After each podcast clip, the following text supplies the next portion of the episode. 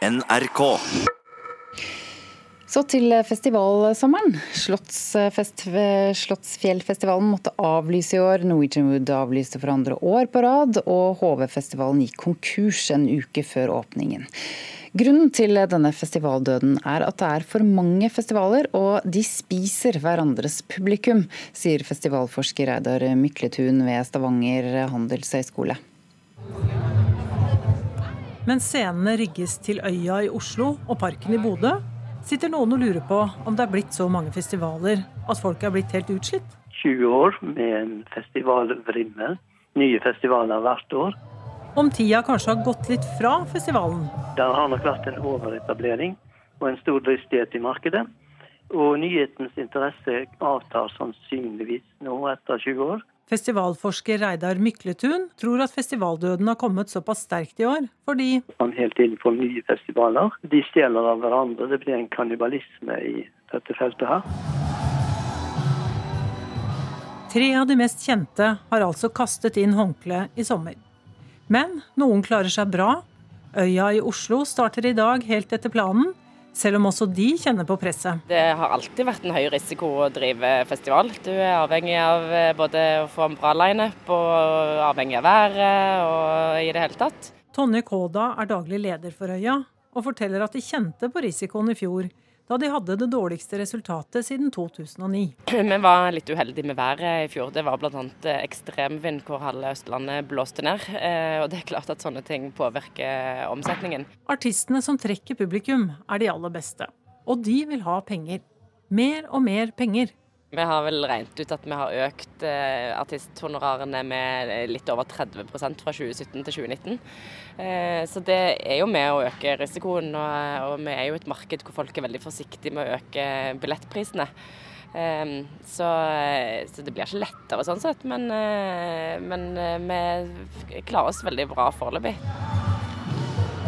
Parkenfestivalen i Bodø åpner om en uke og er en av de festivalene som selger ut alle billetter med en gang de legges ut. Så vi har vært utsolgt siden november, så vi klager ikke. Så nå er vi midt i rigg og gleder oss egentlig bare til neste helg. Men også festivalsjef Gøran Aamodt merker at presset begynner å bli stort. Og det merker man jo, at folk blir blasert. Det må mer til for å imponere dem. Eh, programmene må på en måte treffe bredere, og du må ha de største navnene, samtidig som at Bookinghonorarene går jo til himmels, eh, så det er regnestykket som totalt sett går ikke helt opp. Konkurransen er blitt hard, også fordi det er så lett å få tilgang til musikkopplevelser overalt, mener festivalforskeren. Vi kan laste ned musikk, vi kan streame og gå og se på videoer.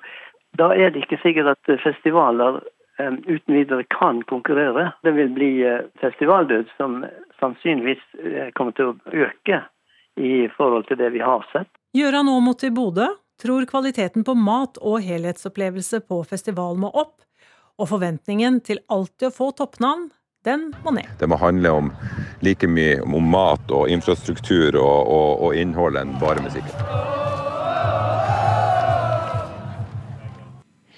Det var Elisabeth Grøndal som oppsummerte festivalsommeren.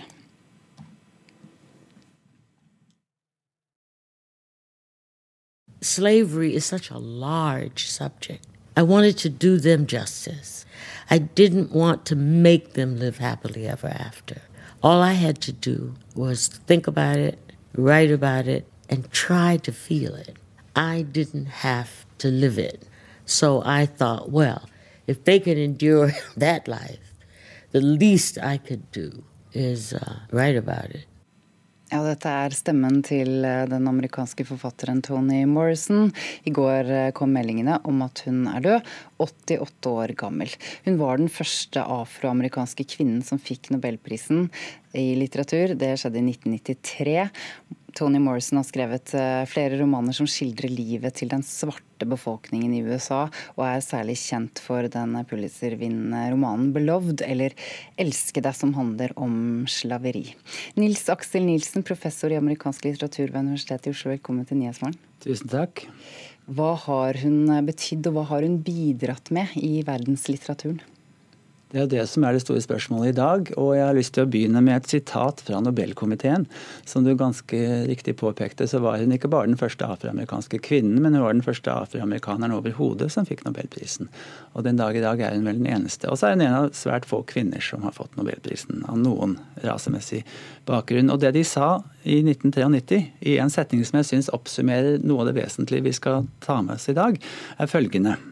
Hennes romaner er kjennetegnet ved sin visjonære styrke og poetiske kraft, og gir liv til en vesentlig del av den amerikanske virkeligheten. Ja, Hvilken virkelighet var det hun startet å skrive i? Hun skrev jo i sin egen virkelighet. og tendensen frem til det punktet Det er ikke det at det ikke fantes afroamerikansk litteratur før Tony Morrison. Det var jo nettopp en sterk muntlig tradisjon med slavefortellinger. Og det var Harlem Renaissance med mye bra poesi. Og det var også romanforfattere, kvinnelige og mannlige. Men, og, men de skildret veldig ofte enten plantasjelivet i sørstatene eller gettoen i de store byene. Harlem f.eks. i New York.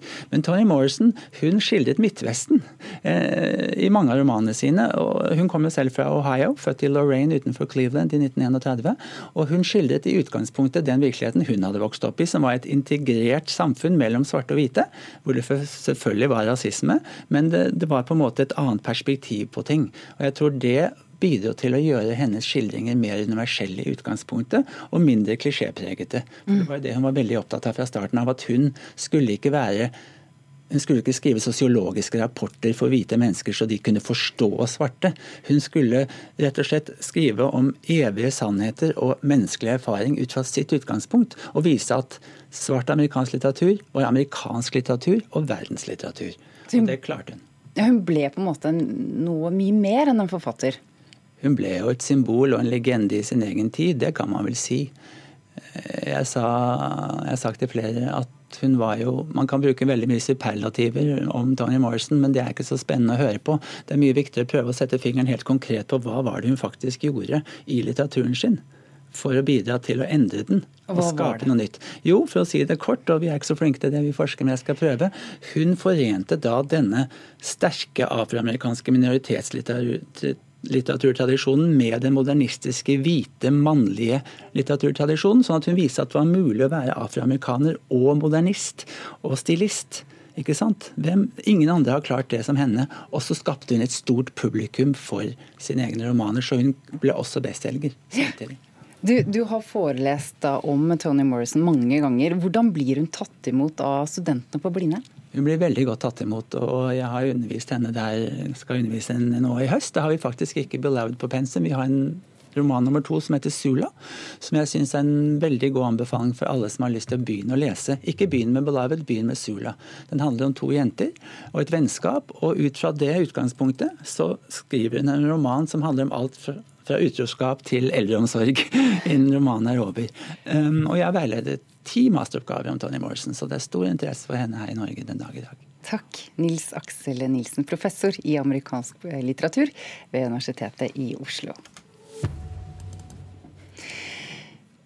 30 norske TV-tekstere nekter nå å ta nye oppdrag for byrået Broadcast Text International. Og det kan ramme programmer på flere norske kanaler som TV Norge, Vox og Fem. Kulturreporter Petter Pettersen, hvorfor eh, sier de norske teksterne nei til flere oppdrag? De 30 oversetterne som tekster TV-programmer mener at dårlig betaling tvinger dem til å jobbe dobbelt så fort, og de går altså derfor til streik mot byrået Broadcast Text International. Eh, byrået har en stor rammeavtale med Discovery Norge og leverer teksting til nesten alle programmene på deres eh, TV-kanaler. Og I 2005 kunne man kanskje overleve med å tekste 45 TV-minutter daglig. Nå må, man, nå må man gjøre dobbelt så mye, sier eh, Helge Vik, styreleder for Norsk audiovisuell oversetterforening, eller Navio, til Klassekampen. Og Han mener da at dette går utover kvaliteten på oversettelsene på TV. Hvem er det da som har ansvaret for vilkårene, ifølge Vik? da? Vik mener at det er byråene som selger sine tjenester til bunnpris, og at det også over dem igjen er kringkasterne som ikke er villige til å betale, betale for et akseptabelt produkt. Og Navio har de siste årene vært i honorarforhandlinger med flere byråer, og i en bransje som ifølge foreningen har generelt liten betalingsvillighet, blir Broadcast Text International beskrevet som en av verstingene. Hva sier Discovery Norge og Broadcast Text International om denne kritikken? Mediesjef i Discovery Norge, Hanne McBride, sier at eh, det kommer inn svært få klager på kvaliteten av oversettelsene, eh, og mener at det gjennomgående er høy kvalitet på jobben som gjøres. Hun synes det er betryggende å se at de har høy yrkesstolthet, og mener det er viktig å høre på de innspillene som kommer. Da. Eh, men samtidig understreker hun at det er Broadcast Text International unnskyld, leverer altså best av de samtlige byråer på de kriteriene Discovery eh, trenger oppfylt. Eh, og administrerende direktør Lennart Løf i Broadcast Text International han har ikke ønsket å kommentere saken. Takk, kulturreporter Petter Pettersen. En eh, sommerhytte på Sørlandet er det ideelle stedet for familiekonflikter, skal vi tro forfatter Marie Aubert. Eh, det høres ut som det er noe positivt, men eh, hennes kammerspill av en roman foregår nettopp på en hytte, der jeg-fortellerens sjalusi overfor søsteren får dramatiske utslag. Anne Katrine Straume, du er litteraturkritiker her i NRK, velkommen til Nyhetsmorgen. Hvem er det vi møter i denne romanen? Eh, vi møter først og fremst jeg-fortelleren Ida, som er 40 år, singel, har ikke hatt noen sånn alvorlige forhold eh, bak seg, er barnløs og har funnet ut at kanskje er det lurt å prøve å fryse ned eggene sine før det er for sent, så hun har tatt kontakt med en fertilitetsklinikk i Gøteborg. Um, hun er på vei til denne sommerhytta, uh, der hun skal være sammen med lillesøsteren Marte. Og hennes samboer Kristoffer og hans lille datter de skal feire søstrenes uh, mors 65-årsdag. Um, og der kommer jo da denne eh, nyheten om at Marte, som lenge har prøvd å bli gravid, nå etter flere spontanaborter nå ser ut til å ha lykkes. Hvordan skildrer eh, forfatter Marie Aubert eh, spenningen mellom disse to søstrene? Det er hele tiden sett fra Idas side, og Ida er eh, altså denne hun blir slem, hun blir ufin. Sjalusien velter opp i henne. og Hun tenker at 'jeg har vært den eldste, jeg har vært den flinkeste'. Dette er sånn hun mener selv, da. 'Jeg har vært den peneste', det har alle ment. Skal nå denne lillesøsteren min gå forbi meg både i status og vellykkethet? Det vil hun ikke finne seg i. Så hun blir rasende, og forbudte følelser dukker opp. Hun begynner f.eks. å rotte seg sammen med denne lille stedatteren til søsteren og, og for å gå mot sin egen søster. Hun sier, når hun får høre nyheten om at ja, jeg er 15 uker på vei ja, det er fremdeles ikke for sent til at det kan gå galt. Altså Hun sier sånne ting som hun absolutt ikke skal si, og det blir veldig veldig ubehagelig. Det som er styrkende ved Marie Aubert, er det at hun, hun har sånne presise karakteristikker og litt sånn raljerende observasjoner, veldig et skarpt blikk, så det blir både underholdende og ubehagelig og gjenkjennelig på samme tid. Flere anmeldere har kalt denne boken årets sommerbok. Eh, hvorfor det, tror du? Eh, det har jo vært en diskusjon i mediene i det siste nå om barnløshet frivillig eller ikke. Eh, og flere norske forfattere har de siste årene skrevet om det å få barn, hvilke følelser det setter i gang hos mor, ikke minst, og kanskje hva det har å si for et parforhold. Eh, så Sånn sett så har hun, tar hun tidsånden på kornet. Og så er det da et tett kammerspill, som lettlest, kort roman som foregår på en sommerhytte, som et sted mange kan kjenne igjen, og også med disse forbudte følelsene som dukker opp. Ja, er det da en eh, god roman?